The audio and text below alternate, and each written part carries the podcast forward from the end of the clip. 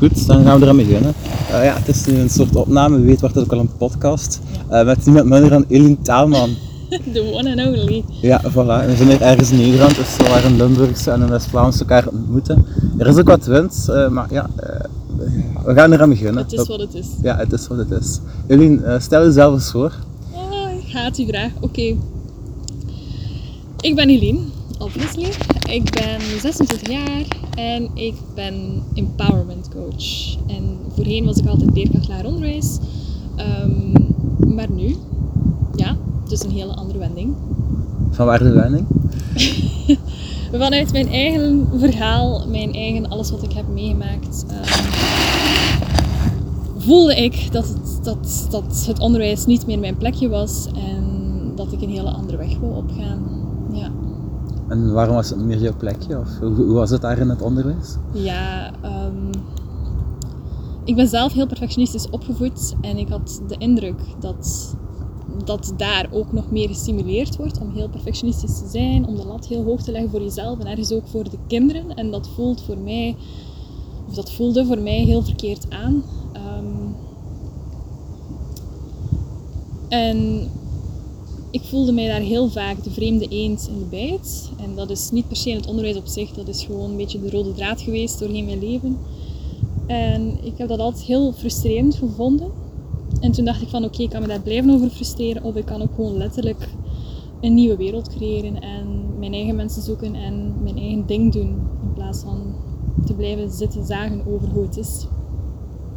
Ja. Want ja, je wordt niet van dag één de andere, van een op de andere dag empowerment coach. Hè? Nee. Hoe doe je dat en wat is dat precies? Ja, dus even voor alle duidelijkheid, empowerment coach. Ik heb die naam aan mezelf toegeëigend.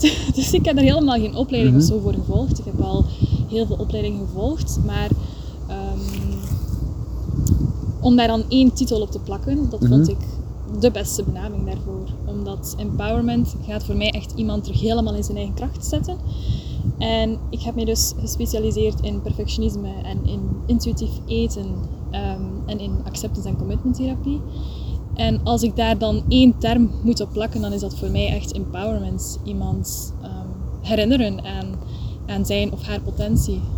Want heel vaak groeien we, ja, we groeien op als, als iemand die oneindige potentie heeft, maar net door alle dingen die we meemaken vergeten we dat. Mm En dus ben ik er om mensen daaraan te herinneren. En hoe coach je mensen precies? Hoe ga je dan aan de slag? Ja, hoe ik dat precies doe. ja, dat blijft voor mij een eeuwige... Ja, dat is nog volop in ontwikkeling hoe ik dat dan precies doe, want dat verschilt ook gewoon bij, van persoon tot persoon. Um, maar in grote lijnen komt het er bij mij op neer om eerst te gaan kijken van oké, waar sta je nu? En dan, en dan kijken van wat neem je allemaal aan als waarheid. En al die verhalen, wat heb jij? Want al die verhalen samen, en je begint dan met een bepaalde gedachte en die wordt dan een verhaal en dat wordt dan een... Dat, al die dingen samen, dat wordt dan jouw identiteit. En op die manier sta je ook op het leven, eh, in het leven en al die dingen trek je dan ook aan. Dus starten we sowieso altijd eerst met, met kijken naar oké, welke jassen heb je allemaal aangetrokken en, en welke gaan we uitdoen en, en welke wil je houden. Dus dat is sowieso de eerste stap. En dan, ik, ik, zie het voor mezelf heel visueel zoals Eat, Pray, Love. Ik weet mhm. niet of je die film hebt gezien. Nee. dus Eat, voor mij is dat dan de eerste fase, zie ik als oké, alles wat je al hebt geleerd over de wereld, dat gaan we allemaal afleren. Hè? En bij mijzelf, bij mijzelf um, van waar Eat, omdat ik zelf ook een eetstoornis heb mhm. gehad. En dus in de dieetgestuurde wereld waarin we leven, heb ik dan ook heel vaak gedieet. En dacht ik, oké, dit mag je eten, dit mag je niet eten. En het gaat niet over het eten, maar je kan het in het algemeen gewoon doortrekken naar alles. Gewoon denken van, het moet zo en ik moet zo leven en ik mhm. moet zo denken. Dus voor mij is de eerste fase letterlijk alles afleren mhm. wat niet meer bij je past. En dan de tweede fase, pray. Dan niet in de letterlijke zin, kan, maar hoeft niet mhm. per se. Maar het stilmaken en echt terug naar binnen gaan keren. En terug naar je ware kern komen. Um, en ook om te ontdekken van oké, wie, wie ben ik nu eigenlijk? En mhm. wat wil ik nu eigenlijk? En dan komt de derde fase, dus love. Mhm. Van ja, dat, dat ook effectief gaan in de praktijk gaan toepassen. Oké, mhm. concreet actieplan gaan opmaken. Wat is de eerste stap? En wat is de tweede stap? En hoe ga ik dat nu concreet gaan, ga waarmaken, al mijn dromen. Ja, dat, dat klinkt eigenlijk logisch, veel Ja. ik kan me er ook wel in vinden. Ik heb ook laatst gehoord van, ja, ehm, hetgeen het belangrijkste je moet leren is dingen afleren, verkeerde Ja. dingen die je geleerd hebt en zo eigenlijk. Hè. Hebben we niet een punt in ons leven gemist waarbij je eigenlijk, waarbij we meer dingen hadden moeten leren of zo? Ja. Of, of onszelf al eerder moeten kunnen ontdekken? Ja. Ik zou zeggen ja en er is ook niet. Ehm, zeker wel. Met de kennis die ik nu heb, denk Mhm. ik ja, ik zou het heel fijn gevonden hebben om als kind geleerd te hebben dat het Ja. oké is om net kind te zijn. Mhm. En om, ja, zelfs ook als volwassene, dat het oké is om te voelen en om te zijn. En Mhm. niet altijd in het denken en het doen en in die actie. Ehm, dat dus. Maar langs de andere kant geloof ik ook dat we al die dingen moesten meemaken om, om dat ook gewoon te beseffen. Dus dat het ook gewoon ons, Om ons terug pad was. naar de roots te gaan ergens. Ja. dat is Ja. de college zin, ja. ja. Want als we dan terug, wat is eigenlijk dan als, ja, moeten we niet meer als mens ontdekken of hadden we niet meer als kind kunnen leren of zo? En Mhm. dat is allemaal wel gebeurd of zo, maar waar is het dan fout gegaan? Waar is het fout gegaan? Ah.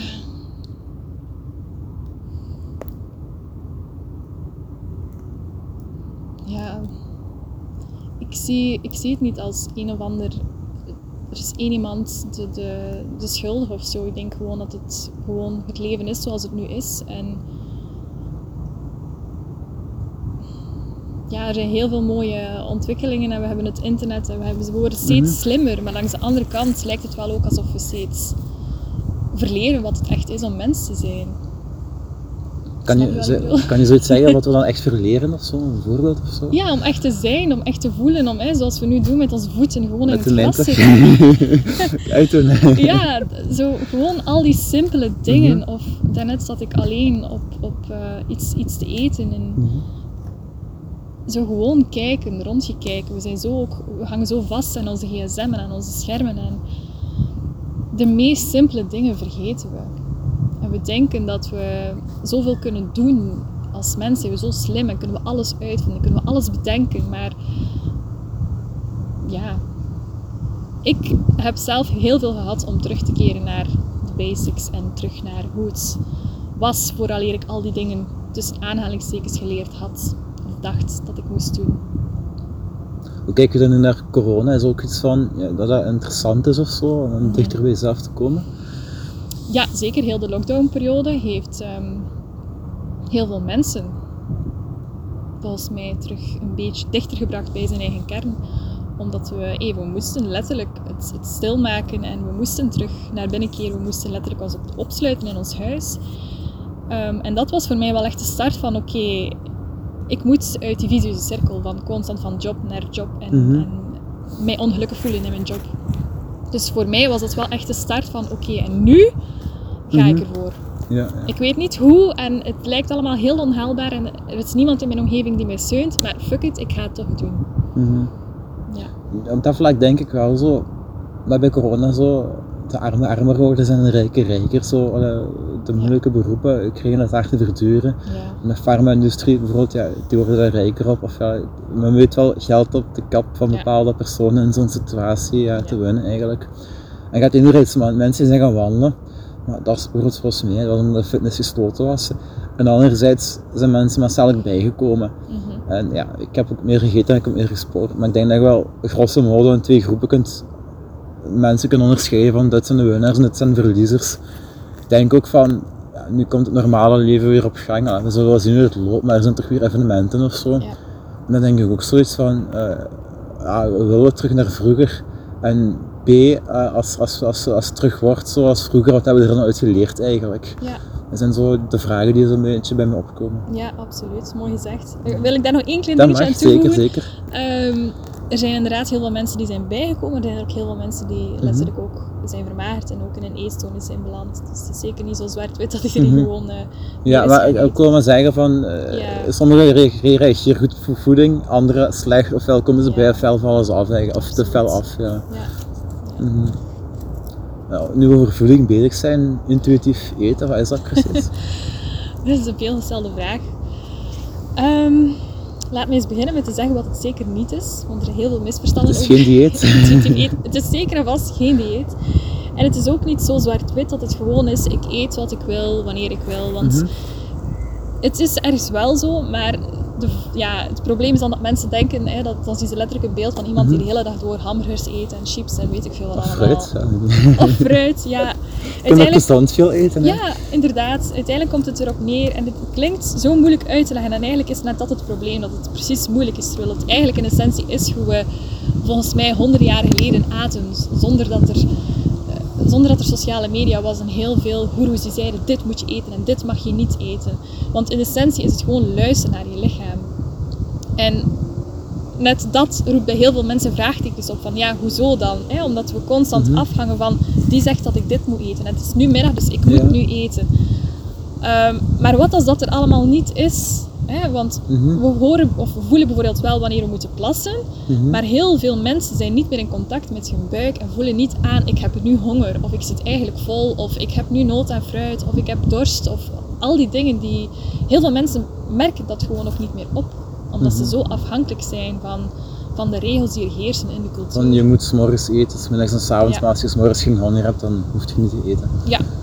En ook als je, want we zijn allemaal een beetje suikerverslaafd, Mhm. heb je dan de neiging als je intuïtief eet om dan ja, nog een stukje erbij te eten? Ja, dat is dus exact wat mensen denken. Mhm. En ik zal heel eerlijk zijn, bij mij in het eerste geval was dat zo. Ik heb Ja. ook echt maanden, en ik wist dat ook, dus ik was Mhm. heel goed geïnformeerd door Saskia Koopman. Dat is een eh, Mhm. Nederlandse psycholoog en die zich daar ook helemaal in heeft gespecialiseerd. Ehm, dus ik, ik wist dat dat er zat aan te komen. Mhm. Dat het letterlijk als het ware precies ehm, door die ontwenningsfase geraken Mhm. van oké, ik ga nu heel veel koeken en snoep en dat Mhm. alles eten. En dat was ook zo, maar nadien had ik dat helemaal niet meer. Dus dat bewees gewoon dat het kwam doordat ik daar regels rond had. Dat is zoals dat je zegt tegen een kind, je mag bij wijze van spreken, ja, er staat, er staat een kast, eh, of, of eh, eh, die kast, je mag, aan- je mag alle kasten open doen, maar die ene kast die mag je niet open doen. Wat gaat dat kind doen? Die gaat die ene kast willen open En dan doen. kun je nog de vraag stellen van, is zo slecht? Hij heeft het ontdekt, ja, het is gebeurd en dan doet hij het de volgende keer misschien niet meer. Ja. Eh, Ja, ja, maar gewoon het, het ding van, eh, Mhm. alle kasten zijn beschikbaar. Mhm. Eh, en die ene kast niet. Wie weet gaat dat kind daar helemaal nooit bij stilstaan dat, dat daar een één aantrekkelijk ka- kastje was. Maar net doordat het benadrukt wordt van je mag het niet eten, wordt het plots heel aantrekkelijk. En dat is bij eten ook zo. We worden constant bang gemaakt over hoe verslaaf, verslavend al die dingen zijn, en zeker suiker. Waardoor we daar ook verstandig mee proberen om te gaan. We zeggen van oké, ik mag een koekje eten of ik Mhm. mag een stukje taart eten, maar wel één stukje.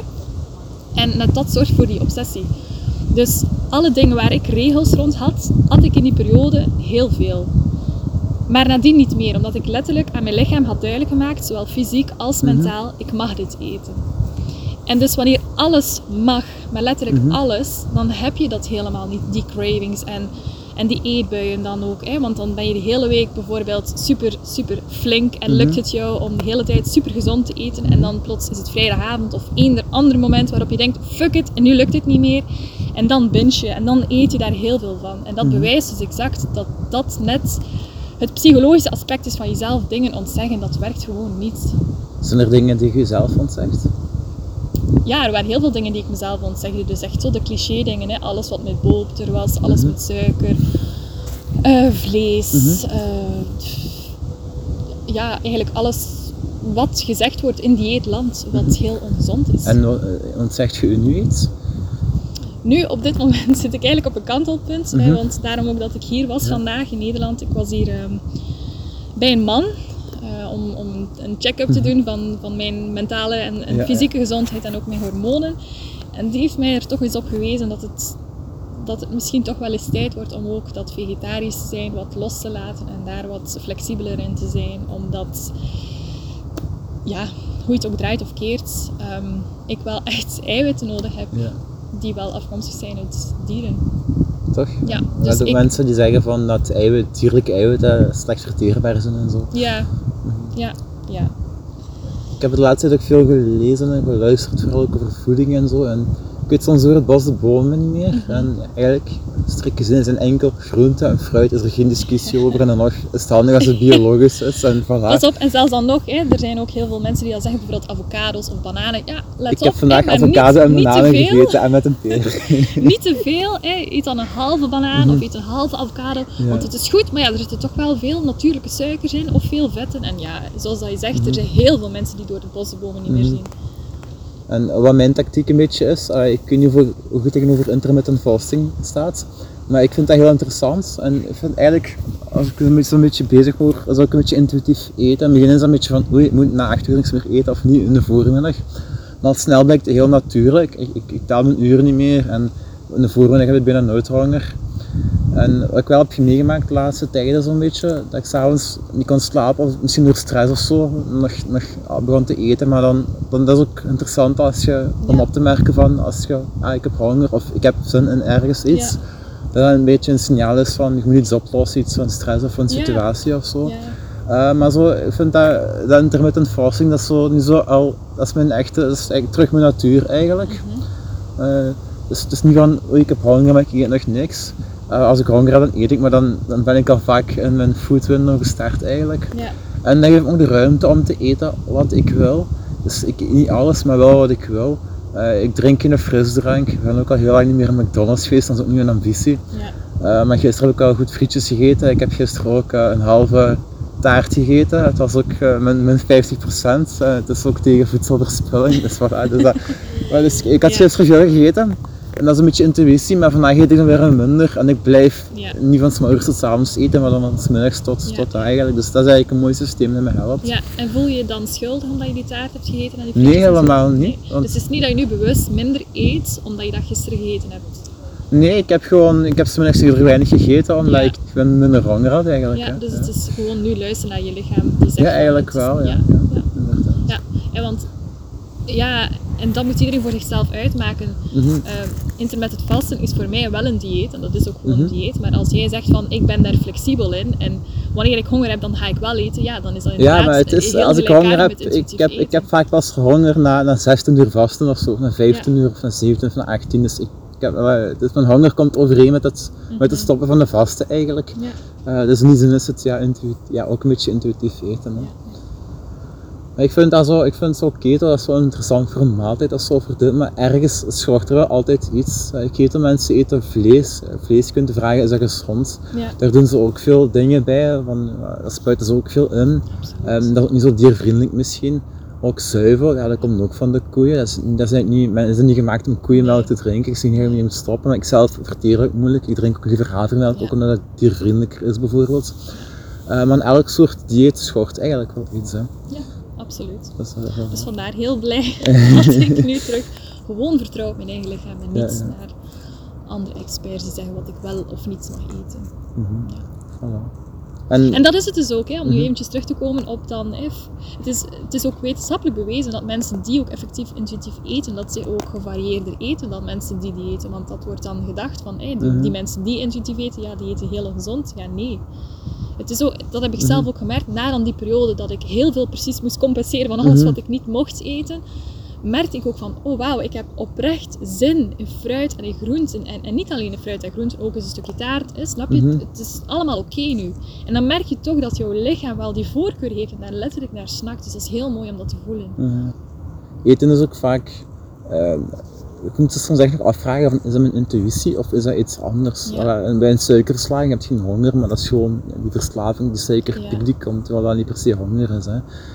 Terwijl als je afkijkt van daarvan, dan, dan leert je meer op intuïtie. Terwijl in het begin denk je misschien van, ah, ik, ik heb daar zin in, maar- dan lijkt meer in verslaving eigenlijk. Hè. Ja. Eh, ja, als je een alcoholverslaafde is, die, die drinkt niet op intuïtie, maar op zijn verslaving eigenlijk. hè. Ja. Maar, kleine nuance, want daar is nog heel veel discussie over. Het is nog altijd niet wetenschappelijk bewezen dat, dat je effectief kan een suikerverslaving hebben. Want hè, als je, want je spreekt net over een alcoholverslaving. Het kan geen eetverslaving zijn, want wat maakt dan dat wanneer ik mezelf het alles toesta wat ik Mhm. wil eten, dat ik er dan minder van wil? Snap je? Dus het is eigenlijk helemaal geen Ja, maar ik zeg, als je voor voeding praat, moet je wel tegenwoordig al twee keer opletten, Ja, ja, hebben maar zeker, gezegd. zeker. Dus eh, ja, als Klopt. ik er iets verkeerd zeg, don't Nee, shoot nee, Ja, jij niet, maar al wie er Nee, meeluistert. Nee, nee, nee. Ja, absoluut. ja. Ook intermittent fasting, ja, voor, voor zwangere vrouwen of voor uh, minderjarigen en zo is ook allemaal een beetje. Ja, en, of, en ja, dat is eigenlijk gewoon de kern van onze boodschap. Van, Mhm. Doe gewoon wat waar je goed bij voelt. Ja, Ja. Ook, ja, eh, ja, je, moet, ja, je moet ook nog wel goed zijn en moet ook nog wel bij je intuïtie zijn, maar ja, je moet, eh, als je Maar de dat is het net, hè, hoe dat je het nu zegt. We, we, we zijn het gewoon niet meer gewend om te Mhm. vertrouwen op ons lichaam. We Mhm. denken van, hé, doe wat goed voelt. En dan komt er precies bij jou wel die angst op van, ja, maar ja, het moet ook wel nog binnen de grens zijn. Nee, als je echt alles loslaat, mocht het nu gewoon jij zijn op een onbewoond eiland en je hebt helemaal geen regels, dan, dan zal je, ja, dan ga je toch hopelijk wel vertrouwen op je lichaam. En, Dat is om daaraan aan te sluiten. Ik, ik weet niet of jij ze ook gezien hebt, maar ik las gisteren de, de, de post van Jurgen Luca op zijn Insta. ja. Met dat vuur of zo, van, eh, ja, dat die mensen een fijn weekend wensen, maar eigenlijk ja, moet je elke dag een- een fijne dag beleven. Ja. En die doet dat door te vertrouwen op zichzelf en op zijn omgeving en zo. En eh, dan Mhm. marcheert dat ook eigenlijk. En dat is een beetje, vertrouwen is tegenwoordig al een wantrouwig woord geworden. Hè, van, oei, vertrouwen werkt wel. Hè. ja, En zeker naar jezelf toe, als je zelf al niet meer kunt vertrouwen, je kunt je dan wel nog vertrouwen. eigenlijk. absoluut. Ja. Ja, dat is ook dat doet me een beetje denken aan uw podcast van, eh, ik doe wat ik zeg en ik zeg wat ik doe. Ja.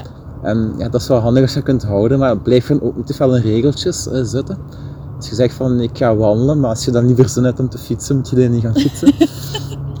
of ik weet niet hoe jij het dus geïnterpreteerd hebt, maar je mocht het eens uitleggen. Eh, ja, nu je het zo naast Ja. elkaar zet, dan zou ik sowieso mijn intuïtie gaan boven alles. Ehm, ja. Dat, is ook zoiets waar ik mee struggle.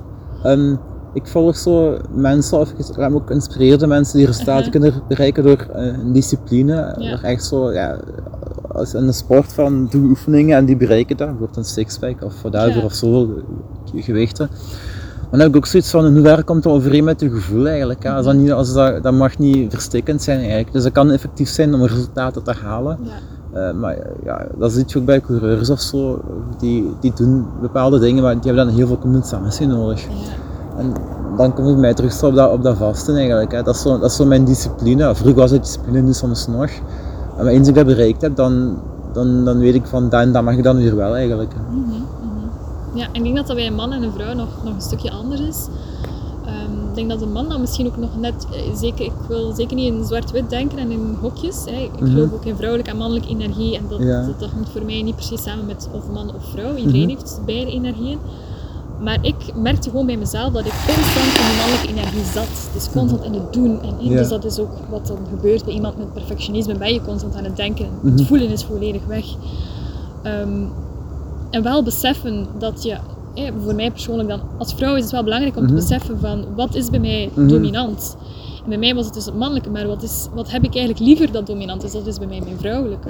Ja, ja. En dus ja, wilskracht, dat roept bij mij al zo wat Mhm. angsten op. Omdat ja. ik zelf altijd heel veel dingen heb gedaan op wilskracht. Toch doorgaan en toch doorgaan Mhm. en toch doorgaan. Uiteindelijk in een burn-out beland en in opname. En mezelf constant voorbij lopen.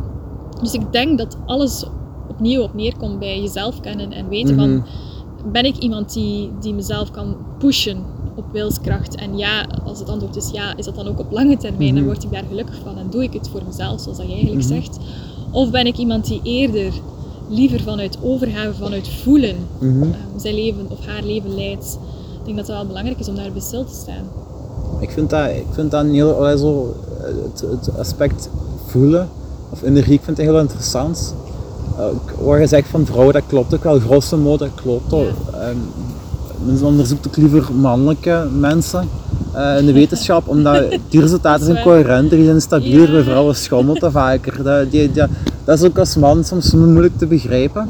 Ehm, ja, vrouwen kunnen vaak wisselturig zijn, maar dat is gewoon hormonaal. Je kunt dat dan niet kwalijk nemen eigenlijk. Als je met een vrouw afspreekt, Ja. soms zegt die af, want dan heeft die kop en of dan dit of dan dat. En je kunt het wel jammer vinden, maar dat is bij veel vrouwen zo. En, eh, dat zijn gewoon, je moet dat biologisch een beetje begrijpen. Er zijn ook nog andere factoren, maar eh, dat, is, allee, dat, is, allee, dat, is, dat is niet, dit is geen klaagzang, in tegendeel, dat is een beetje een begrip vanuit eh, de biologie verklaard Ja, eigenlijk. wel hè. mooi. Eh, Dat is, Mhm. ook, ja. dat is En- mooi dat, jij daar, dat, dat je daar kennis over hebt, dat je Ja. daar zelf van bewust bent. Ja, en, er- ja, Want ja, zelfs heel veel ja. vrouwen zijn zich daar niet van Ja, bewust. maar dat vind En ik jammer. effectief vrouwen, een dat is, dat is jammer aan vrouwen dat ze dat zelf niet erkennen en dan, dat ze zich schuldig gaan voelen Ja. of zo. Daarom dat vast Ja. soms moeilijker is bij vrouwen. Want ja, die hebben soms ergens zin in of zo. En dan moet je misschien meer intuïtief eten in plaats van, van vast eigenlijk. Hè. Mhm. Eh, dat is een beetje echt, dat is soms echt jammer zo voor vrouwen zelf. Dat is soms moeilijk voor mannen te begrijpen. Maar als een vrouw bijvoorbeeld afzegt of iets niet doet, omdat haar gevoel dat zegt van doe het niet, dan gaan die zich schuldig voelen ze een gevoel volgen eigenlijk. Ja, of dan toch gaan, ja, of, of Ja, denken ook aan seks of eender wat, dan toch doen tegen haar zin, Ja. om die man te pleasen. Want wat als ze dat nu niet zou doen? Dat vind, Ja. ik erg, dat vind ik erg en dat vind ik, dat een beetje, dat vind ik een beetje raar. Zijnde van als je je gevoel volgt, als, als vrouwen een gevoel volgen, waarom wordt, er, waar wordt dat schuldgevoel er dan nog eens bij gekoppeld eigenlijk? Mhm. Kunt je niet gewoon voelen zonder schuld? Dat is heel mooi gezegd. Ja, voilà. Ik denk dat heel veel vrouwen wel zouden blij zijn Mhm. Ja. met een man zoals jij die daar zo bewust Allee, mee bezig is. ja, absoluut. Mhm. Want wat, wat hebben we nu meer nodig? Meer vrouwelijke energie of meer mannelijke energie? Ja, opnieuw, ik denk dat dat iedereen voor zich persoonlijk moet uitmaken. Voor mij persoonlijk is dat vrouwelijke energie, ja. Ik denk persoonlijk dat we alle beide in evenwicht moeten hebben, dus meer mannelijke en ook meer vrouwelijke. Mensen zoals Tuber Oliver ze zeggen, hebt meer mannelijke energie nodig. Ik denk dat hij dan misschien ook vooral tegen de mannen praat. ja, ja. Want ja. mannen hebben ook veel testosteron en zo verloren, daar is, ontbreekt ook veel daadkracht eigenlijk.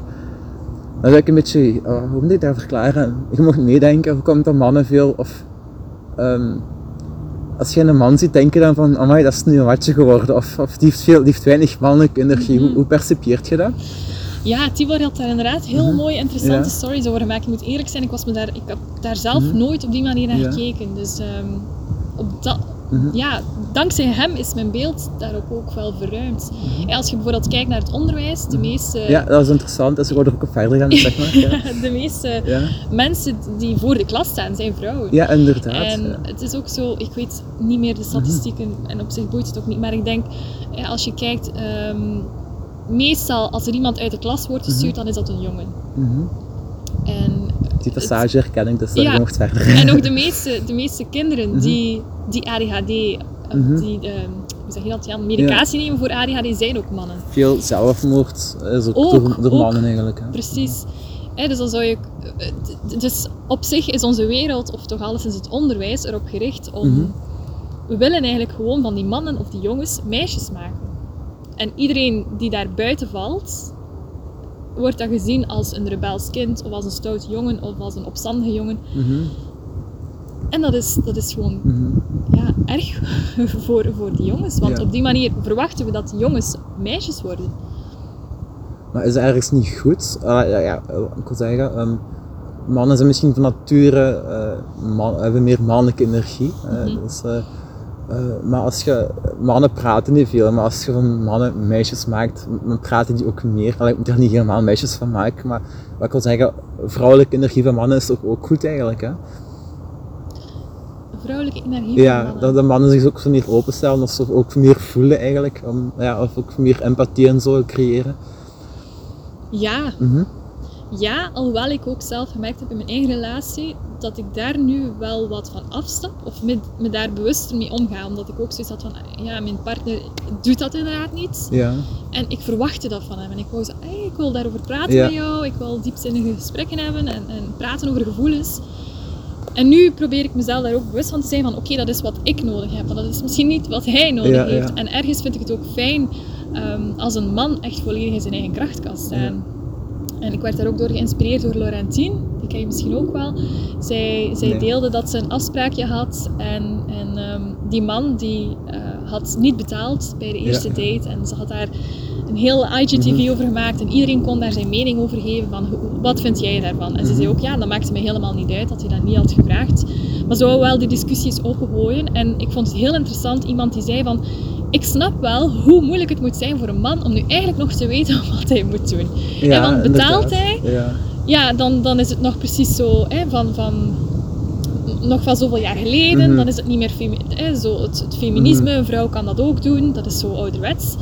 Betaalt hij niet, dan is het dus van ja, amai, hè, eh, Ja. waarom doet hij dat niet? Weet je, dat dat is vaak zo. De een moet de man wel doen, de ander niet. Dus vaak moet zo de man wel het initiatief nemen om de Ja. te regelen. Dus dan wordt er al initiatief gevraagd om te betalen. Dat hoeft dan soms niet. Allee, Ja. Dus dat is zo een dubbeltje op zijn kant eigenlijk. En dat, dat, dat, dat, dat, is zo de, de match eigenlijk tussen de personen zelf eigenlijk. Hè. Dat is moeilijk om op zijn geheel te trekken. Ja, voilà. Ik denk dat iedereen dat voor zichzelf moet uitmaken. En eigenlijk, en dan bedoel ik niet als koppel zijnde, ja misschien ook wel, maar als iedereen nu gewoon in zijn eigen kracht staat, Mhm. Dan trek je ook de juiste mensen aan. Ja. Dus in plaats van je als man dan af te vragen van, oh ja, moet ik nu meer man zijn of meer vrouw? Ik denk dat je dat... of, Als je ja, gewoon jezelf bent, voilà. Ja. Dan trek je ook de juiste persoon aan en dan, toch? Of, Ja. ben ik daar nu... Ja, ik hoop het toch, hè, maar Ja, je moet, als, je, als je jezelf bent, dan trek je jezelf al aan eigenlijk. hè. Je zit zelf de persoon met wie je het meeste samenleeft eigenlijk. Ja. Als je goed op jezelf hebt, dat is het allerbelangrijkste eigenlijk. Ja. hè. Ja. Maar dat is zo, ook zo, bij ik weet niet, als man als we spreken, word je ook zo, allee, ehm, ben je een bier drinken en ik dronk vroeger eens ergens zo'n kriek, want ik vind dat lekker zoet en kersen, ja dat is fijn. En dan wordt zo, zegt een vrouw zo, Sander, je mocht dat niet drinken, maar echte mannen drinken Jupiler of zo of iets anders. Dan heb ik zoiets van, ja, ik drink gewoon wat ik graag drink of zo. Maar zo, zo, zo, zo maakt een vrouw ook al, eh, het zijn niet alleen de mannen die elkaar versterken om het meeste te drinken, maar een vrouw kan dan ook nog zeggen van, je moet dat doen eigenlijk. Absoluut, ja. Ja, ja. dat is wel- Heel herkenbaar. Ja. Ja, want dat bedoel ik dus ook met al mijn hele leven voel ik mij soms zo wat vreemde eend. Mhm. Als dan vriendinnen, zo cliché, dan hè, we gaan een glaasje drinken. Ja. Want dan hebben ze plots het gevoel van en nu mag ik vrij zijn en nu mag ik mezelf helemaal laten zien. En eerlijk, ik vind alcohol, of toch heel veel Mhm. dingen, sommige wel, maar eh, soms vind ik het ook gewoon echt niet lekker. En dan ben ik niet meer beschaamd nu om de fristie te bestellen. dan ook. ja, ik had het gehoord, ga ik precies niet te meepakken. Nee. Ja, en, en dus, dus daar, ben ik nu zo blij, daar ben ik nu zo blij omdat ik dat nu kan doen zonder die schaamte. Maar die schaamte heeft er wel jarenlang gezeten van oké, ik ga dan toch maar een glaasje meedrinken, want ja, anders ben ik weer de rare en ben ik dit.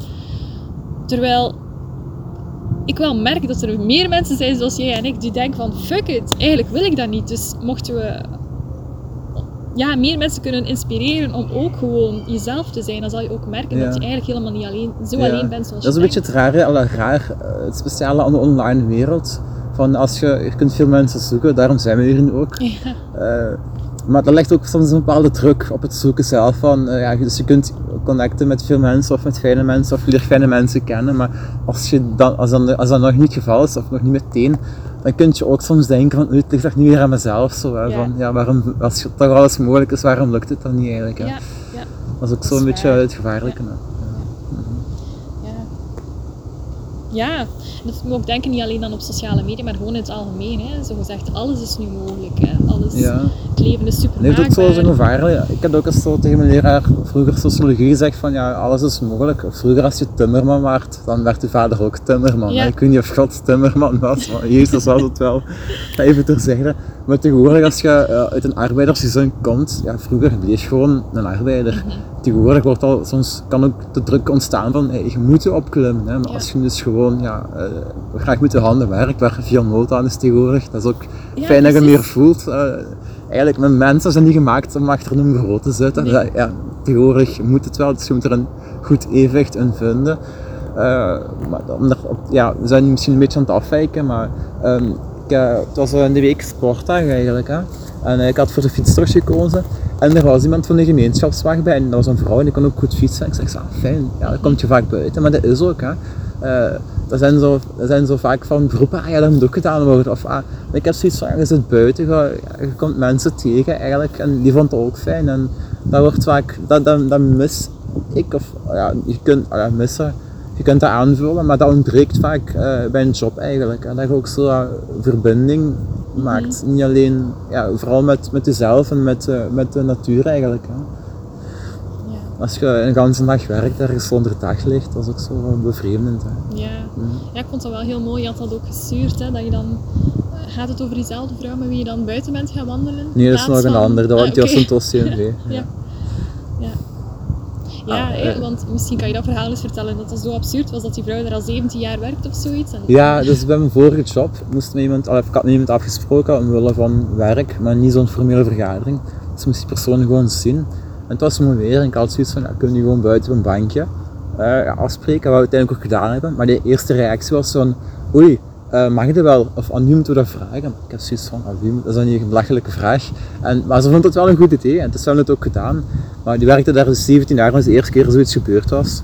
En dat is eigenlijk- Zoiets, hè, dat ja, dat is eigenlijk heel raar. En, allee, iets wat ik fijn vind, wat heel logisch al is, dat het toch niet gedaan wordt, omdat het, een, omdat, eh, omdat het niet de gewoonte is. En zo worden vaak goede ideeën eh, ja, gebannen of wordt daar gewoon niet aan gedacht, omdat dat niet de gewoonte is. En, eh, ja, Ja. als, eh, als het schaap de kudde verlaat, wordt het kwetsbaar. Maar tegenwoordig mensen moeten de fysiek, het fysieke gevaar om in een groep te leven is, is minder prangend. De kans dat een leeuw tegenkomt is vrij klein.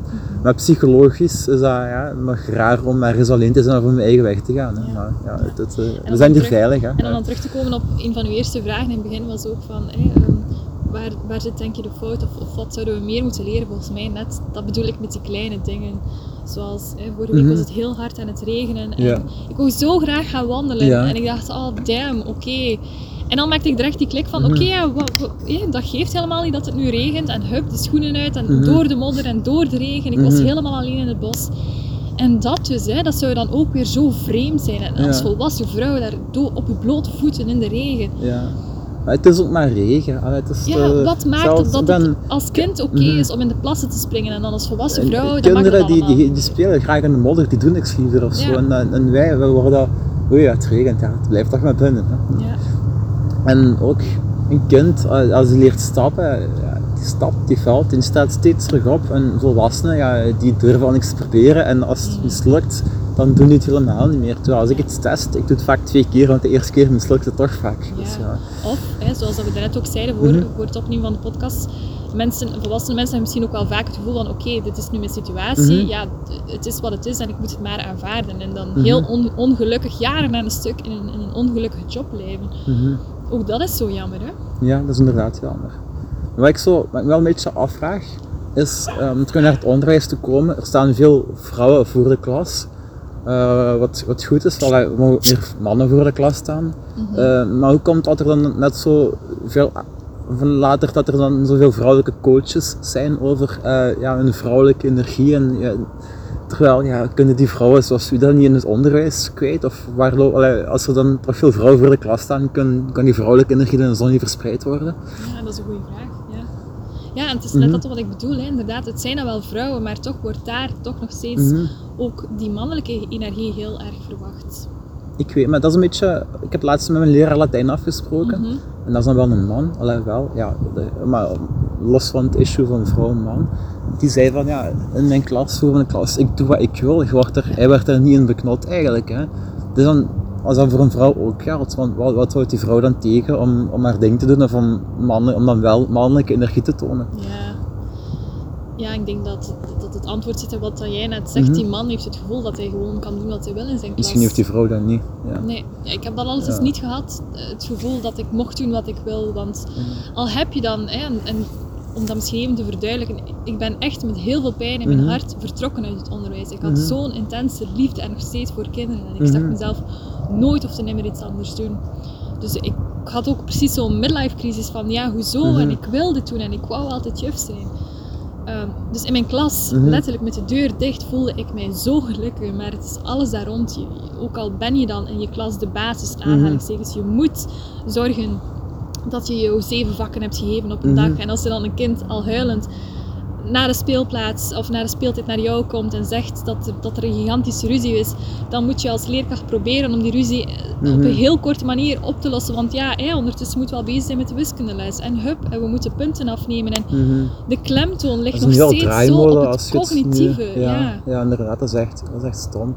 Ook, er zijn niet alleen veel onderwijzers, veel vrouwelijke onderwijzers haken af naar solidair eigenlijk, ondanks dat ze toch graag met die kinderen zijn eigenlijk. Ja. Hè. En eigenlijk, als ik er nu aan denk, de kleuteronderwijzers die hebben dat veel minder eigenlijk. Die ook zo oudere mensen, als die met pensioen gaan, die missen dat of zo. Of, die hebben nog wel meer de contact eigenlijk. Hè. Ja, ja. Ik denk dat vooral dan, als ik u ook zo bezig hoor, dat dan de, dat het moeilijker wordt, de overgang van kleuteronderwijs van basisschool en nog eens van basisschool naar middelbaar, dat er zo Ja. meer taken bij komen en zo. hè. Ja, het verschil is ook voornamelijk in het kleuteronderwijs heb je wel eh, doelen die je nastreeft, maar het is Mhm. niet dat die doelen effectief moeten bereikt zijn Mhm. om te kunnen doorstromen naar het lager onderwijs. Er zijn natuurlijk wel, als het gaat over derde kleuterklas naar eerste leer, bepaalde dus aanhalingstekens Mhm. vereisen, maar in het lager onderwijs zijn er effectief leerplandoelen en Mhm. die moeten bereikt worden. Ja. Dus je leeft constant in een bepaalde druk. Mhm. En dat is het probleem ook dat we dan als leerkracht misschien te weinig beseffen dat we dit ook doorgeven aan onze kinderen. En dan, dit is ook wat, wat kinderen dan thuis ook meekrijgen. hè. Heel, heel gestreste ouders die zelf ook leven Dat in is, hun eigen ja. werkcultuur. En dus wij leven letterlijk in een, in een maatschappij waarbij iedereen getraind wordt om super prestatiegericht te zijn. Ja. Wat ik raar vond, raar, in mijn middelbaar, ik was vaak echt moe. En ik had echt zoiets, ik ook zo heel vaak druk, zo zeven vakken en dan daarna zeven taken en zeven toetsen. En je komt dan thuis na meer dan een hele werkdag eigenlijk, allee, ja, ondergerekend op school zitten toch. Dan moet je ook nog eens fietsen en zo erbij. Dan nog eens eh, je hobby's en dan nog... Ik vind het echt soms raar als, als jongere nog, eh, Ja. nog s'avonds slapen nog moet studeren. Ja. Of dingen doen, dan denk ik van, ja, wat doe je op school? Dan is er daar nog niet ruimte voor. Ja, ja en wat- eh, het, rare dan- is, nu heb ik meer tijd, of nu heb je zo meer vrijheid dan vroeger eigenlijk. Ja. Ja. Terwijl als kind dan, dan wordt dat een beetje afgenomen eigenlijk. Ja. En wat maakt dan bijvoorbeeld in Zweden of in andere onderwijssystemen dat het daar lukt met minder uren onderwijs? Mhm. Allee, ja, bedoel, we denken vaak ja. dat we meer moeten doen en we moeten nog meer. Hè, want Mhm. als we nu kijken ook naar de lockdown, dat is, dat is dan ook weer wat dan het nieuws bereikt. Hè? Dat, dat kinderen steeds dommer worden in Vlaanderen. En als we ons vergelijken in, in de gradatie en weet ik veel wat, dan zijn we zoveel plaatsen gezakt. En dat bewijst nog maar eens dat dat het belangrijkste is. Maar hoe komt het eigenlijk van, ook zo de wiskundetesten, die gaan altijd maar achteruit. Hoe komt het als je toch de hele dag op school zit en er Ja. meer kennis beschikbaar Ja, waarom is gaat er dan bij niemand een belletje rinkelen dat het misschien Mhm. niet gaat over nog meer proberen kennis in iemand Mhm. stoppen, maar misschien hebben die net meer kind zijn nodig om. Want als je jezelf Ja. mentaal niet goed voelt, hoe, hoezo, dan kan je ook Dan je ook helemaal geen zin meer om te leren en zo Nee. eigenlijk. Ja. Ja. Nee. Want je, brein heeft zo linkerhelft, je Ja. rationele kant en je rechterhelft een creatieve. Ja. Ja, en pas als dat een combinatie is, dan leert je ook sneller bij, denk ik. Als je verbinding, als je eh, bijvoorbeeld, eh, daar zijn ook zo dingen bij, hè. Als, als, als je voor een hoorcollege, ehm, studenten pikken er sneller op als ze in beweging zijn. Hè. Daarom dat ik als je informatie sneller verteert wordt, en als, als je een opgenomen les luistert anderen, dan, dan pik je die info sneller op, omdat je ook Ja. lichamelijk aan de slag zit met, met, je, met je andere hersenhelft en dan die elkaar goed aanvoelen. Hè. Ja, Dus niet is wel een interessante hypothese dat als enkel je verkeerde hersenhelft of ja, de, de juiste hersenhelft en dan te veel gepusht wordt, ja, eh, als het niet in evenwicht is, dan ja, inderdaad dan zijn de resultaten slechter. Hè. Ja, ook dat, hè, de manier waarop wij onderwijzen nog. Ja, de leerkracht die vooraan staat en de kinderen die op een bank zitten. Mhm. En gelukkig niet overal meer. Je hebt ook heel veel ervaringsgerichte scholen en, en methodescholen. Ehm, Mhm. Maar ja, het is zoals dat je zegt, het wordt ook gewoon wetenschappelijk aangetoond. Iedereen leert op een andere manier. En heel vaak als leerkracht zijn, als je iets uitlegt aan een ander, dan ben jij degene die het meest aan het studeren is op dat moment. Want als je het aan iemand anders uitlegt, dan ben je het ook veel meer aan het Dat verwerken. is ook, als je het zelf vertelt, dan begrijp je het zelf Ja. het beste. Als je, Ja. je maakt een podcast, eh, ja, eh, je maakt wel Mhm. podcasts, denk ik, is het de eerste luisteraar van hetgeen je zelf maakt eigenlijk. Hè. Ja, Dus in die zin komt de boodschap bij jezelf het hardst aan eigenlijk. Ja. En zo is ook, allee, je kunt, als je iets leert, kunt je, als je het vertelt, dan, ja, dan leert je het ook het beste. Mhm. Ja, ja. interessant allemaal. Nou, ho, aan mij. En eh, zo die andere mensen die nog zo in het onderwijs zitten, hoe, hoe denken die dan? Want ik heb som, eh, soms hoor je ook van ja, het onderwijs of de kinderen, als je samen met de collega's of de andere leerkrachten, die hebben toch een andere mentaliteit of zo. Of bestaat er zo een schoolmentaliteit of een onderwijzers- of een, een, een, een lerarenmentaliteit of zo? Of een cliché ding? Ja. Ah, in de leraarskamer. En er zijn zeker Mhm. uitzonderingen. Ehm, maar jammer genoeg is dat wel zo dat daar nogal wat wordt afgeroddeld. En, en dat ik dacht van, zijn wij eigenlijk het voorbeeld voor onze kinderen? En wij zijn hier nu aan het roddelen over Pietje en, en Janna, weet Mhm. ik veel wie allemaal in de gemeente en, en over de kinderen. En dan denk ik, ja, Mhm. jammer toch dat wij diegene zijn of het voorbeeld Mhm. proberen zijn voor de kinderen. Ja, inderdaad. Maar anderzijds, het is ook menselijk gedrag eigenlijk. Hè. Ja. dat, het is wel, geruststellend is een groot woord, maar het, het, is, het, het zet alles meer in perspectief eigenlijk. Mhm. Ja. Je kunt naar een andere school gaan, maar daar wordt er zo geroddeld worden. Dat zal misschien wel iets anders zijn. Ja. ja. Ja, dus inderdaad, het was ook voor mij een uitdaging om dan gewoon te denken van oké, het is blijkbaar overal zo. Mhm. Dus ik heb geen controle over wat een ander doet, maar ik heb Mhm. wel controle over de manier waarop ik daarmee omga. Mhm. Ja. En hoe, gaat je daar, hoe ging je daar toen mee om? uiteindelijk, uh, dus na heel lang oefenen, gewoon denken van oké, soms helpt het ook gewoon om te denken één oor in en ander uit. Mhm. En zonder dan die ander te veroordelen of zo, maar gewoon oprecht naar iemand Mhm. luisteren, maar wel van binnen denken van oké, ik denk daar anders over. En dan ook echt vanuit verbindende communicatie dat ook soms durven teruggeven, al gelang eh, ik die persoon dan ook effectief al een bepaalde periode ken.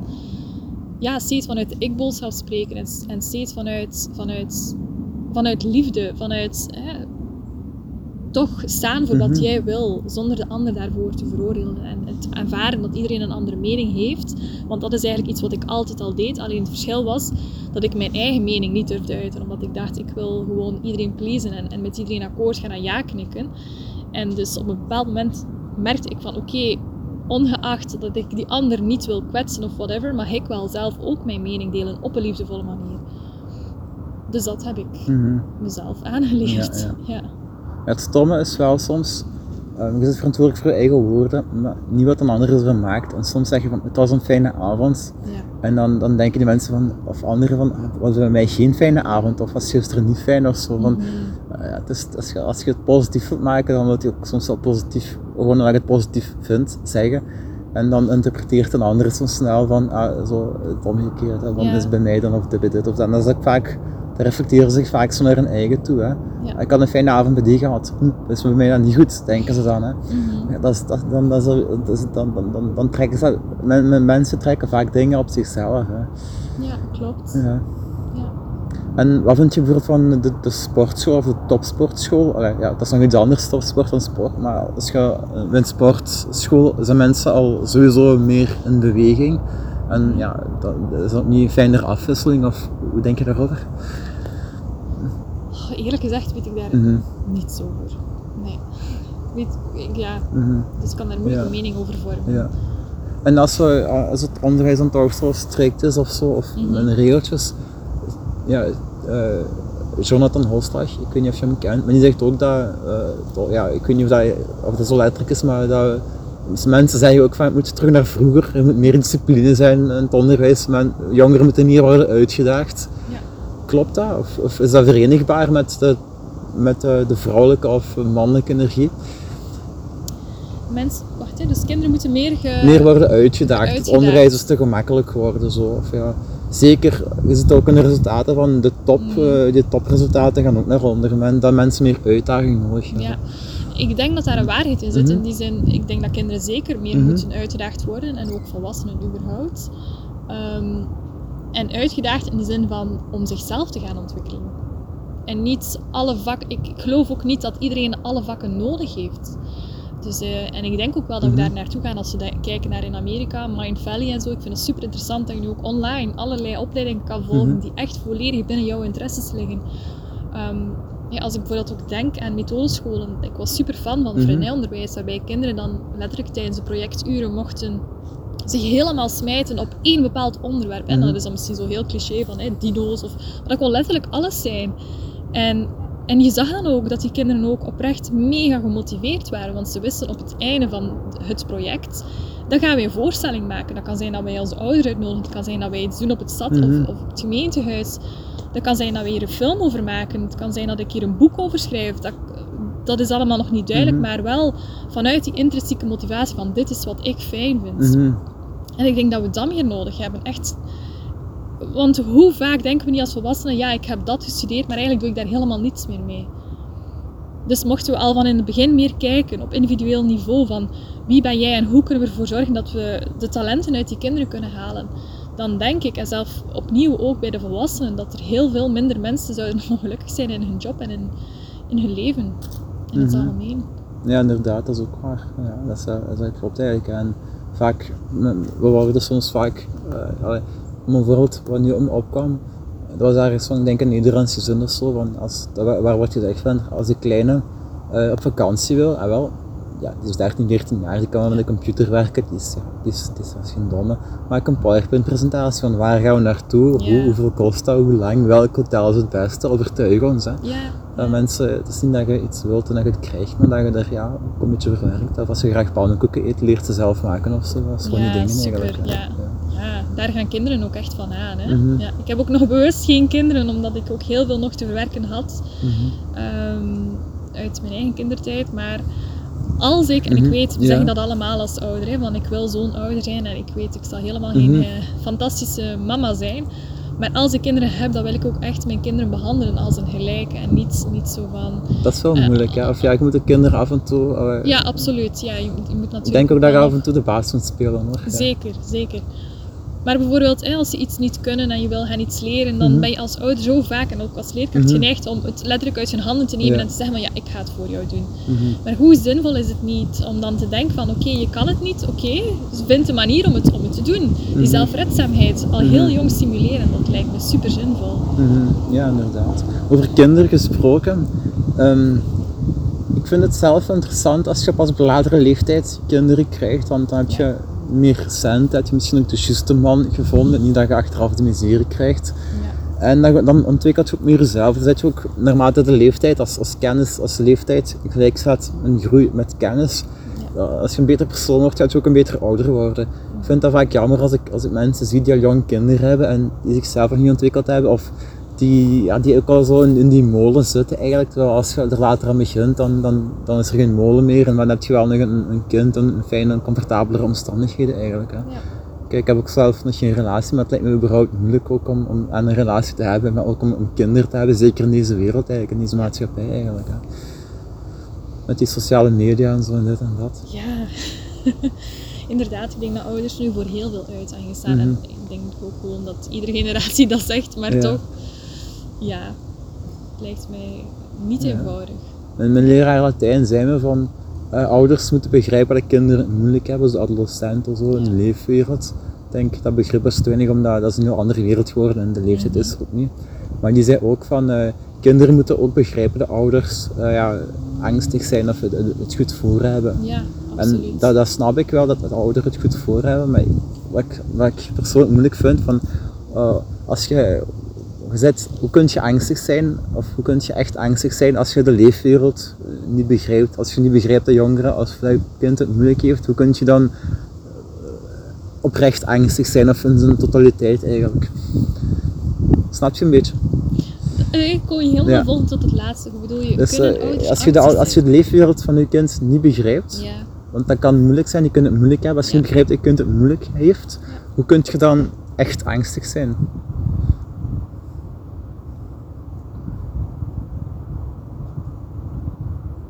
en wat bedoel je Als je, als je niet zijn? weet wat er zich volledig Ja. in die wereld afspeelt, hoe kun je dan angstig zijn? Of zijt je dan angstig voor het onbekende?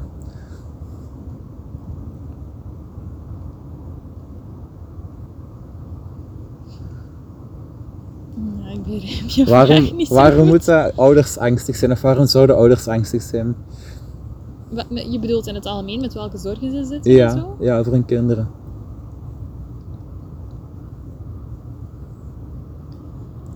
Ja, ik denk dat iedere, ang- of iedere ouder wel gewoon in het, in het algemeen de angst heeft dat zijn kind ongelukkig zal zijn. Dat zijn kind gepest zal worden. ehm, dat zijn kind mogelijk ziek zal zijn, gekwetst zal zijn. ehm, de verkeerde mensen zal tegenkomen, een verslaving kan Mhm. krijgen. Ik denk dat dat een beetje de... Ja, dat is misschien een domme vraag. Allee, eh. Maar als je niet begrijpt van wat er in de, leeftijd, wat er in de leefwereld Ja. omgaat, hoe kun je dan oprecht angst zijn? Of hoe kan, hoe kan die angst dan echt angst zijn eigenlijk? Dan is dat geen concrete angst eigenlijk. Hè? Ja, Als je niet weet wat er allemaal met een gsm gedaan wordt, Mhm. met een smartphone of sociale media, eh, voor waar zit je dan bang als je het niet weet? Mhm. Ja. Bedoel je dan dat mensen die niet bezig zijn met persoonlijke ontwikkeling eh, en dan toch kinderen hebben, misschien helemaal niet bezorgd zijn om kinderen? Of, Dat weet ik niet. Nee. Ik, eh, ik, ik ga om het samen te vatten. Ehm, stel nu, je hebt geen benul, sociale media hebben positieve effecten, maar je hebt geen benul van een negatieve. Ja. Eh, hoe kun je dan, dan kun je daar toch niet angstig over zijn, als je niet weet dat er negatieve dingen zijn. Nee, Voilà. ja, dat denk ik niet. Nee. Mhm. Dus ik denk dat de angst van, ik denk ouders kunnen wel zo tegenwoordig Mhm. beter of een beetje geïnformeerd zijn wat er allemaal leeft, ook omdat er nog andere ouders zijn die erover vertellen, Ja. verhalen delen, wat ik ook aanraad. Ja. Maar soms is angst nog vaak te algemeen eigenlijk. En als je angst concreet maakt, verdwijnt er ook vaak die angst, denk ik. Ja. Als je altijd vraagt van wat is het ergste wat er kan overkomen, dan blijkt dat maar heel klein te zijn. Mhm. Ja, dat is ook gewoon een keuze van hoe kijk ik daarnaar. hè. Denk ik altijd van wat is het ergste wat mij kan overkomen? Of denk ik altijd van hè, wat is het beste wat mij kan overkomen? Ja, onzekerheid kan ook positief zijn, kan ook beter worden. Hè? Ja. Absoluut. Ja. Mhm. Van even pipi doen, dat is mijn mannelijke energie voor mijn gevoel volgen, dus we gaan even poseren.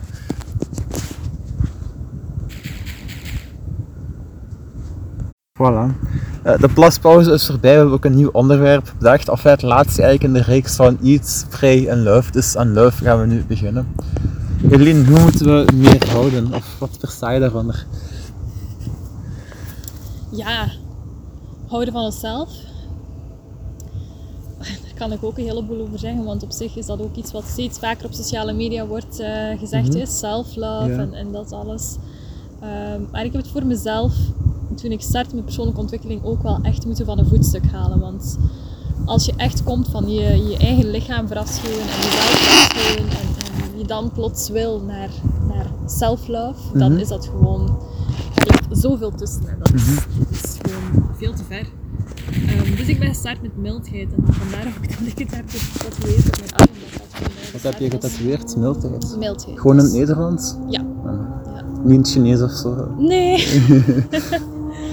nee, nee. Dus ik denk dat het belangrijk is om te starten met die mildheid. Erkennen van waar je komt. En, Mhm. en van daaruit... Ja... Want liefde is, of zelfliefde is niet iets wat je plots op een bepaalde dag kan hebben. Het lijkt mij ook gewoon een doel waar je kan blijven naar streven. En, en niet streven als in ook weer heel obsessief, maar gewoon Mhm. iets... Ja, een waarde, iets wat je wil in je leven. Welke waarde wil je? Of welke is belangrijk? Dus, dus naast dan die liefde, maar ja, liefde, iedereen wil liefde, is er dan voornamelijk authenticiteit voor mij persoonlijk. Ehm, bewustzijn. Mhm. Bewustzijn en eenvoud, dat komt voor mij allemaal een beetje samen. Avontuur. Verbondenheid. Die zelfintegriteit. En ik denk dat dat zo'n beetje zijn. Ja. Dat is een mooie waarde. ja. Ik had eh dacht nog iets te zeggen. Ja, eh, ja liefde is allemaal, dat is allemaal heel plezant en zo. Ik kan daar zeker niet tegenspreken, maar ik eh, las gisteren een, een quote van verdriet is de prijs die we voor liefde betalen. Dus in die zin, verdriet ook geen vorm van liefde en we kunnen ook niet liefde krijgen als we het of merken of zien of ja, voelen. Ja. Als je ook het negatieve ervaart op de andere kant, zoals een beetje yin en yang of plus en min, Ja. of net ook zoals bij mannelijke en vrouwelijke energie. Absoluut, ja, ja, ja, absoluut. Want dat hangt voor mij een beetje samen met wat ik daarnet zei over zelfliefde wordt zo gezien als hè, we moeten meer bubbelbaden nemen met, met bruisballen en we Mhm. moeten meer dat alles. Maar je kan het ook gewoon zoeken in alledaagse dingen en alle kleine dingen. En, ehm, ik denk ook dat dat een beetje de valstrik van het geluk is, dat we denken dat we constant moeten positief zijn en, en alle... Dat alles, hè, dat we moeten zelfliefde hebben en we moeten dit en we moeten dat. Maar al het negatieve, Mhm. dat, dat we weten dat dat er ergens bij hoort, maar toch stoppen we dat liever in een bepaald doosje. En, of als we dan die gevoelens hebben, dan doen we dat liever alleen. En niet te veel mensen moeten dat zien, want dat is heel kwetsbaar. En ik geloof oprecht dat dat ook de reden is waarom ik zelf ook in een depressie of in een burn-out beland ben. Omdat ik geen expressie had en al mijn emoties. En het, het gevoel had dat ik het alleen moest dragen. En ik de enige was die dat precies ervaarde. Mhm. Of ervoer. Terwijl ja, er, zijn er meer mensen zijn, Ja. ja, meer vrouwen ook. Ja, terwijl gewoon Mhm. iedereen Ja. al die emoties ervaart. Ja. Nu, je, deelt nu al je verhalen, en zo, dat is heel fijn, ook om achteraf te horen van, om het, zo het verhaal mee te krijgen. Eh, je had gisteren wel een podcast waarbij je zei van, of dat je het jammer vond dat je in een moment zelf te weinig gedeeld had. Ja. Eh, ik had zelf wel zoiets van, ja, als je slecht voelt, dan denk je er niet aan om dat te delen. Als ik me goed voel, dan denk ik er op het moment ook niet altijd aan om dat te delen. Ik deel op zich op het moment zelf ook eerder weinig, omdat ik dan, eh, ik kan een foto maken van mijn eten, maar ik, kan dan, ik doe dat meestal niet, want als ik honger heb of als ik, als ik zin heb in eten, dan heb ik zo geen, niet de neiging om dat vast te leggen. Dan Ja. doorbreekt dat moment eigenlijk. Hè. Ehm, dus is dat in die zin niet authentieker dat je, dat je het niet vastlegt? de negatieve Ja. ervaringen. Mhm. moet Ja, je kunt er achteraf over praten, maar moet dat Ja. altijd op, op het moment zelf eigenlijk? Nee, zeker Mhm. niet. Nee. Nee, dus ik neem het mezelf zeker niet kwalijk, omdat ik ook wel wist of weet dat ik het niet kon, of Mhm. anders kon. Mhm. Maar ergens is het wel jammer hè, dat we dan op sociale media vooral de nazien hè, van Mhm. iemand die dan volledig uit een ongelukkige situatie plots super gelukkig is en plots super zelfzeker. Mhm. Ik wil niet op die manier overkomen. En ik had zo gisteren een beetje het Mhm. gevoel van oei, misschien doe ik dat wel. Of misschien krijgen andere mensen wel dat gevoel. En ik weet, dan is dat weer dat stukje van oké, ik heb daar geen controle over, over die ander. En ik weet dat ik het doe vanuit de goede intenties. Maar toch wil ik daar wel bewust mee omgaan Mhm. en, en wel voldoende ook delen wat daaraan vooraf is gegaan. Mhm. Zodanig dat mensen niet denken van oké, ja, zij heeft geluk nu meer gelukkig leven en, en dat alles. Ik bedoel, ja, Mhm. je, je ziet heel vaak niet wat daar allemaal aan vooraf ging. Ja. Ik denk vooral dat, dat het bij jonge mensen van toepassing is dat je weet wel dat je ergens voor moet werken om iets te bereiken, maar Ja. je houdt niet rekening of je kent nog die concrete situaties niet en dan kun je soms snel van ho, ho, ho. Allee, dan, dan kan dat wel heel, soms deprimerend zijn. Ja. Terwijl als je al een aantal gelijkaardige situaties hebt meegemaakt en je weet van ah, dan is het zo afgelopen, dan geef dat meer gewoon vast of dan stelt het ook geruster. Ik heb nu ook een nieuwe job en ja, die eerste job dat kan zijn van hoe was dat hier allemaal. Eh, maar omdat ik al eerder ervaring heb gehad of zo, kun je dat beter kaderen eigenlijk. Dus ik denk dat ervaring daar zeker ook eh, ja, een oplossing is voor is of zo, of dat je het bredere plaatje kunt zien. Eh, wat wel, waar ik wel nog op terug wil komen is, ehm, ja, als je mild voor jezelf moet zijn, hè, Ja. ehm, hoe kun je dan nog je, je grenzen ja, verleggen eigenlijk? Terwijl als je, als je streng bent, als je goed doorpusht, dan kun je het ook extra resultaat halen. Hè. Ja, dan zitten we weer terug een beetje terug Ja. bij die mannelijke en vrouwelijke energie. Hè. Dat is gewoon puur vanuit hè, denken Mhm. van waar ik kom. Mhm. Ik kwam net vanuit, ik moet meer en ik moet harder werken. En hoeveel pijn ik ook had, ik had letterlijk een jaar aan een stuk chronische keelontsteking, naar heel veel ziekenhuizen geweest, antibiotica, niets hielp. En toch was ik in staat om dat gewoon te negeren. Ik voelde het wel. En toch dacht ik, oké ja, het is wat het is. Ik doe toch door. En uiteindelijk ook chronische hoofdpijn. Ik stond elke dag voor de klas met dus en keelontsteking, dus de Mhm. hele dag praten en met hoofdpijn. Dus ik had zoveel pijn, maar op zich kon je dat ook niet zien aan mij, aan mijn buitenkant. Omdat ik ook gewoon dacht van oké, ja, het is wat het is en, en ik moet door, ik moet door en ik moet door en niet opgeven. Dus Mhm. ik had, dat was echt voor mij... Ik ben toen gecrashed en in het ziekenhuis beland, vijf weken. En nadien nog Mhm. heel veel maanden therapie. Dus voor mij was echt gewoon, ik had precies hè, het, het, eh, het stoplicht gezien van Mhm. en nu moet ik stoppen. En dan was voor mij die eerste stap mildheid. Stoppen met zo, ja, die lat voor mezelf zo hoog te leggen en zoveel van mezelf te eisen. Dus denken vanuit mijn situatie was wilskracht net hetgeen wat ik moest loslaten en denken dat ik moest doorgaan op wilskracht. Ja. Maar ja, zeker, ik ga er zeker mee akkoord dat, ja, dat wilskracht soms belangrijk is. Alleen ik zie het nu eerder vanuit, als ik dan even Mhm. ook de link leg met acceptance en commitment Ja. therapie, therapie, bij mij start alles bij wie ben ik en wat Mhm. vind ik belangrijk. En ik geloof oprecht dat je, als je het dingen zijn die jij belangrijk vindt, dan doe je dat gewoon. Niet als in gewoon, het gaat zo vanzelfsprekend, maar toch, als dat echt is wat jij wil, dan vind je daar een motivatie voor. Dan ben je gemotiveerd om dat te doen, om jouw doel te bereiken. Ik vind wilskracht ook een beetje overrated in de zin van, dat moet een verhouding zijn. Je moet bijvoorbeeld een, training, als je gaat lopen, je moet hard kunnen lopen om vooruitgang te maken.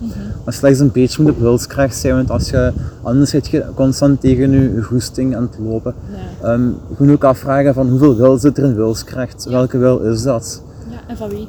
Ja, inderdaad. Ja. Ja, voilà. Als ik, als ik ben vandaag gaan fitnessen, maar ik, het ging eigenlijk redelijk goed op het einde, want eh, het roeien ging nog het beste en dat is een moeilijke oefening. Ja. Maar toen had ik zoiets van, ja, het zit niet goed in mijn kop of ik heb misschien te veel gegeten gisteren. Toen was ik wel nog een uur gaan fietsen. En dat was, dat was omdat ik het wilde, maar dat was niet tegen mijn goesting, want ik heb er echt van genoten eigenlijk. Dus dat is ook misschien wat je mensen kunt, of wat ik mensen kan aanraden, als je toch iets op wilskracht doet, eh, bijvoorbeeld aan je fysiek werken op wilskracht, doe dan iets wat je dan graag doet eigenlijk. Ja, eh. precies. Mhm. Ja. Je moet niet iets, iets, iets, iets, je moet er niet afpeigeren. Ook dat intermittent fasting, dat is, dat is geen wedstrijd van wat er langs. De meeste, wat de meeste mensen doen is ehm 16 uur vasten en 8 uur eten. Soms doe ik 17 of 18. Eh, maar als het niet gaat dan 15 en sommigen doen 24 of 25. En ik kijk het ook eens aan, dus de testen iets langer of zo, maar het is geen wedstrijd. Hè. Ja, ja. En je kunt, je kunt ook langer vasten, maar je kunt ook gewoon minder lang vasten en dan ietsje zonder eten, of dan ook iets minder of zo. En, eh, als, je, bijvoorbeeld, als je niet tevreden waart van je looptraining, eh, dan, dan hoef je niet eh, nog langer te lopen tegen een goesting of een blessure te krijgen, maar dan doe je even een andere sport of zo, of iets waar je dan wel leuk in, of zin in hebt. Hè. Ja. ja. Dus uh, voilà. Wat, eh, wat dacht ik nog te Ja, zeggen? dus met denken aan die metafoor van die houthakker die zijn bijl niet wil, eh, hoe zeg je dat, bijs, Ah ja, bijslijpen? ja, zeg maar, ja. Hè? Hoe zeg je dat zo, bijslijpen? Je- Slijpen, Ja, ja, gewoon, slijpen. ja. Eh, dus die houthakker die is de hele tijd bezig met bomen Mhm. omzagen, bomen omzagen, bomen omzagen. En ja, iemand anders passeert dan en die vraagt van, is, hey, houthakker, zou je niet beter eens jouw Mhm. bijl slijpen? En die zegt van, hallo, zie je niet hoeveel, hoeveel werk ik nog heb? Ik moet nog al die bomen omhakken. Mhm. En dat is dus exact het probleem, dat we zo vaak niet zien dat, dat, het, dat het veel productiever is om eens even te stoppen, Mhm. even te pauzeren, even gewoon te zijn, te voelen, te aarden. En vervolgens te zien van oké, doe ik nog verder of doe ik het op een andere manier? Moet ik hulp inschakelen of, of hè, wil ik hulp inschakelen? En we blijven maar doordoen en doordoen en doordoen en doordoen. Zo vaak en zoveel mensen. En het is geen kwestie van of, het is gewoon een kwestie van wanneer ga jij crashen. Ja. Mhm. En je omgeving, dat vind ik soms het strafste zo. De, die gaan dat nooit zeggen, hè, of zo. Of dan moet je echt wel oprechte mensen hebben of zo. Maar dat, Ja. dat ligt soms vaak gevoelig zo. Mensen met overwicht, mensen gaan nooit zeggen van zou je afvallen of werken in hun gezondheid of zo. Dat is, soms gewoon. Dan is dat maar ook zo mensen of bazen die een burn-out hebben of tegenaan lopen. Als je een leidinggevende gaat nooit te krijgen, van iemand die onder hem of haar staat van zou ik niet anders aandoen of zo eigenlijk. ja. Of net wel, maar op dat moment, bijvoorbeeld, mensen zeiden dat ook al tegen mij van Eline, zou je niet eens pauzeren? Mhm. Dat was voor mij geen optie. Ik, ik werd Mhm. echt kwaad. Ik, ik zei van, hallo, ik heb letterlijk nog zoveel werk, dat gaat niet. Dus Mhm. als je echt daarin zit, dan, dan helpt het ook soms niet dat andere mensen dat zeggen. Ja. En dat is heel frustrerend voor, voor de omgeving, hè? want ik Ja. zie dat dan ook bij mijn vriend, als hij heel erg stresst. Nu, omdat hij ons huis aan het bouwen is, ik heb hem nog nooit weten stressen. En nu denk ik soms, wauw, nu zie ik Mhm. hoe hij altijd keek naar mij en mij probeerde tegen te houden. Mhm. Maar soms lukt dat niet. Mhm. Soms moet je echt letterlijk zelf tegen de lamp lopen en het Mhm. beseffen. Ja, zelf, zelf zet je vaak de beste leerschool, maar je moet het ook zien eigenlijk. En Ja. Het is ook vaak, je kunt mensen een preek geven, maar dat werkt niet, want die, gaan- die gaan dat niet zien dat je een bos hebt. Maar je kunt zelf best altijd zeggen van, bezuinig, neem een beetje tijd voor jezelf, laat dat bezinken. Mensen zelf altijd inzicht laten komen eigenlijk. Ja, ja. Is er nog één dingetje wa- wat, Zeker, ik, wat zeker. ik niet mag laten... eh, of ik ga mij schuldig voelen als ik er niets op heb gezegd. Eh, niet iedereen met overwicht is ongezond. Ja, dat mag je ze- niet gezegd, maar dat mag je zeker aanvullen. ja, Ja, oké. dat wou ik gewoon nog gezegd. Als ik die podcast anders herbeluister, ga ik denken... Damn, Eileen. ja, ja, Heb ik nu toch weer Anders laten zeggen. show notes gaan er meedoen, ik weet dat niet. Ja. Ja, eh, wat nog wat ik misschien ook wel interessant vond, want je kunt zo tonen als het slecht gaat of zo, of je kunt tonen wat je nu bereikt hebt. Maar ik vind het zelf interessant om eh, te tonen of om anderen te laten meedenken waar je naartoe wilt gaan eigenlijk. Want dan, dan, kun je, dan, eh, dan hoort er geen gestroef bij, maar dan is er zo van, ah, je werkt ergens naartoe eigenlijk. Dan kunnen mensen u, ze kunnen onderuit halen, maar ze kunnen u ook steunen. Ja. En als ze onderuit halen, kun je net harder gaan eigenlijk. Eh, maar sommigen zeggen van, ah, Sander, je hebt dit en je hebt dat en je mocht vier zijn. Zo. Ik vind dat wel heel fijn, maar Mhm. ik ben ik denk al aan het volgen. Ik denk nu al, waar, ga ik- waar ga ik over vijf jaar staan? Als sommigen werken daar naartoe eigenlijk. Ja. Zou je het voor jezelf ook boeiend en dan sleurt je anderen ook niet mee in dingen die goed of slecht gaan eigenlijk. En dan, dan leer je ook meer van elkaar van, ah, ik wil dat doen en ik doe daarvoor. En als je dat zo probeert, dan, dan komt er zo uit eigenlijk. Ja. Mhm. Vind dat wel mooi dat je zegt van, hè, dat je altijd verder denkt over wat ga ik binnen vijf jaar nu. Ehm, en is het dan ook en? Ben je ook op dit moment gelukkig? Jazeker. Ja. Maar, uh, goh, moet je Ja, zeggen? gelukkig is ook weer zo'n Ja, zo'n- geluk is een heel woord. Maar ik bedoel, ben je ook dankbaar met hoe het nu is? Want- Zeker, zeker. Allee, je zei dat laatst van, op je podcast dat je een auto hebt, een auto met geen airco en dat je overal dankbaar bent dat je een auto hebt. En Ja. zo is het ook bij mij eigenlijk. Je mocht Ik ga elke dag slapen uit, eh, met, met, met veel dank eigenlijk. Ehm, maar het grootste gevaar van comfortabel is dat het comfortabel blijft terwijl het ook beter kan eigenlijk. En je moet altijd voor zo, je moet altijd hoger willen gaan of je moet het potentieel benutten, ik zal het zo zeggen. Mhm. En ehm, ja, dan moet je echt wel, dan moet er soms wel, ik heb al die innerlijke drive om dingen te doen, maar ik heb ook soms, ehm, weet je, ik kon vandaag ook veel, gewoon veel eten, hè. maar ik heb gisteren gedaan, dus eh, ik zal automatisch iets, ik zal naar mezelf luisteren, maar ik zal ook eh, een beetje de pees er meer opleggen. Allee, die training was misschien een beter voorbeeld van, je hebt slecht getraind, je kunt zeggen van, ja, we doen helemaal niks meer, het is naar de potten. Maar we hebben net ook even, denk misschien een pak drie kwartier gewandeld, los van straf of niet, maar dat was gewoon onderbewust van, of bewust, of het is gewoon goed om in beweging te blijven eigenlijk. Hè. En mensen denken ook van, eh, vaak, mensen verwaren vaak ook het doel met het middel van, ehm, ze willen zoveel kilo afvallen, maar dat heb je niet altijd in de hand. En wat geeft dat dan? Terwijl het is ook gemakkelijker en het geeft meer voldoening als je zegt van ik ga elke dag een half uur wandelen of ik doe dit of dat. Eh, dan, dan dat is veel, dat is veel beeldender, want wat zegt die 5 kilo minder op de weegschaal, ziet je dat? Of die 5, ja, een bepaald getal minder of meer op je bankrekening. Ehm, dat zelf zegt niks, maar als je dat concretiseert, dan is dat aangenamer, dan kun je dat ook meer delen. Absoluut. Eh, inderdaad, en als je eh, bepaalde dingen doet, als je gezond leeft of als je goed voelt, dan volgen de resultaten van, dan is dat er, dan is dat er aan gelinkt eigenlijk ook. hè. Ja.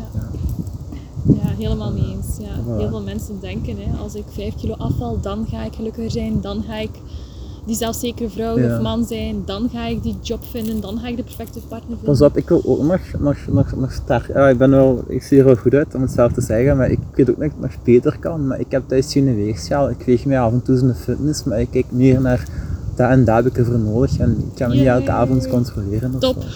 Voilà, dat is ook intuïtief eh, afvallen. Ja. ja oké. Heb je nog enkele zaken te zeggen? Ik denk dat we grosso modo een beetje rond zijn. Ja. Heb je nog bepaalde inzichten?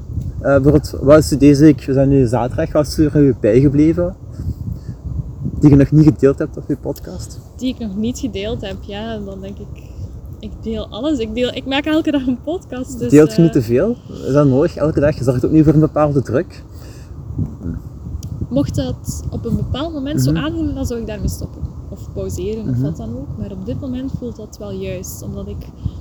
ehm, ik kan me in- inbeelden dat dat voor andere mensen het Mhm. voelt als te veel. Mhm. Maar ik kom letterlijk van niets. Dus, voor, ja, dus misschien is de stap heel Mhm. groot. Maar het voelt voor mij als jij eindelijk, na al die jaren opgesloten gezeten te hebben als dat vogeltje in die kooi. Nu kan ik eindelijk mijn emoties uiten. En dat is voor mij heel belangrijk.